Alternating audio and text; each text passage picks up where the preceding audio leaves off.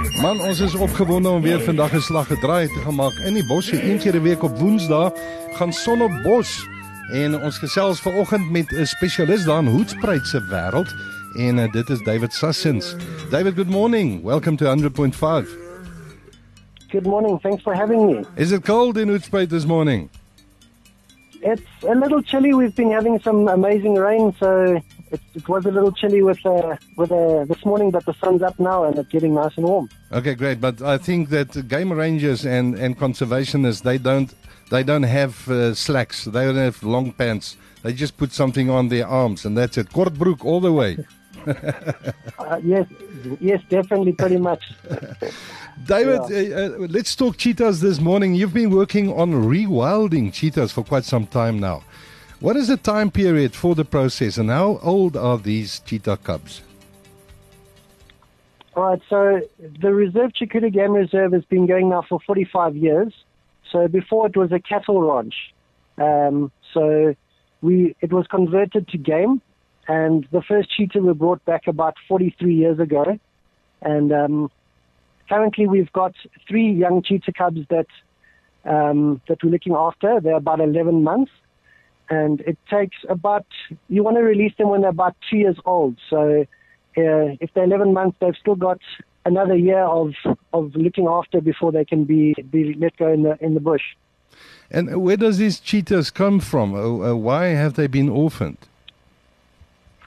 Okay, so we had a female on the reserve that um, had some cubs, and unfortunately, she got killed by a leopard.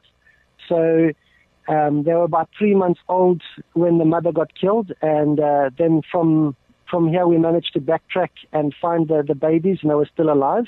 So we sent them to Moholoholo Rehabilitation Center, and uh, then when they were a bit older, they brought back for a slow release. So um, yeah, that's where we are now. David, uh, is it difficult for these cats to survive in the wild, and, and how important is that uh, to those processes to be successful? So, cheetah are an endangered species. They looking at a population of about a thousand to thousand five hundred free ranging in South Africa, and about seven thousand in the whole of Africa. So, anyone that you can put back in the bush is very, very important. Um, so these guys going back into the bush, it's good genetics. Um, so it is very, very important for, for us to, to look after these guys. Uh, specializing in cheetah rehabilitation, how many cheetahs have you successfully reintroduced into their natural habitat? So from the beginning, we've introduced nine cheetah onto the reserve, and that's over four generations, and they've had numerous uh, babies. So that's been a very big success success story. Yeah. David, for, for, what is the reason for cheetahs to be considered as fragile? They they're built for speed, and um, most of this area at the moment is overpopulated by other predators like lion, spotted hyena, and even leopard numbers are very high. So they don't do do very well with with that because because of the the big predator numbers. So their numbers have dwindled over the last 15 to 20 years. We've seen a big drop. Uh, we used to have a lot of movement in this area, and we just don't because of the, the big uh, population pressure from other predators. So our cheetah are made for speed, so if they don't fight, they want to run, and uh, yeah, that's that's the reason. And uh, w- w- what is your forecast for the future concerning the cheetahs? So it's very positive. Um, we've just reintroduced uh, a female uh, recently onto the reserve, and uh, we're going to bring bringing two new males onto the reserve. So extra genetics for ours also to breed that aren't related, and um, it's looking very healthy. We don't have an overpopulation of lions and um, spotted hyenas, so it's a very good reserve for cheetah. Then, so hopefully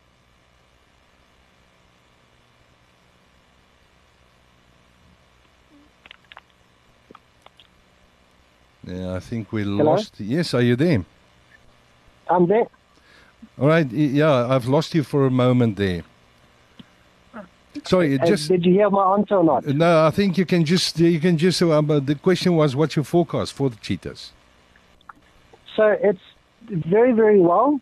Um, we've just brought a female cheetah in to the reserve, and we're bringing another two males. So for new genetics, so it's looking very healthy, and we don't have an overpopulation of lion and um, spotted hyena. So hopefully they'll do very well, and uh, the cheetah population can continue to grow. Brilliant. Just uh, just the last question. You you uh, uh, talking about endangered species. You're also dehorning of uh, busy with dehorning of rhinos. Uh, do you find dehorning to have made a difference in the rhino poaching figures in South Africa? So absolutely. Um, in 2010, we started uh, fighting rhino poaching quite hard. We did that for over a year. We had poachers coming on the reserve every two to four days. Mm. And um, and we decided we can't do this. It's costing us a lot. The helicopter getting shot at. So we decided to dehorn, and it definitely saved our rhinos. Since dehorning, we haven't lost uh, a rhino, and uh, that's 13 years later. So it's definitely helped us to protect our owners. Well, that's fantastic, fantastic. Ek gesels met David Sussens and uh, David, you're raising awareness for conservation by allowing the public also to get involved in certain projects. Yeah, so it's very, very important for people to come and, and get a love for nature. And the best way to do that is through these dehornings and the experiences. So people get to come here, experience this amazing thing. They can see where their money is going. So, like partnering with, it's been amazing because they bring their people. Their people get to experience all of this. The children get to see it. It passes on the love for the next generation. So, having people experience it um, making making the children and friends aware because they invite family, they invite friends that don't normally come to the bush. It's yeah. something so amazing, and it instills passion and love for, for nature. David, it was so nice chatting with you. Thank you for the good work that you guys are doing and keep on doing. And uh, hopefully, we'll talk soon again. Thanks for your time.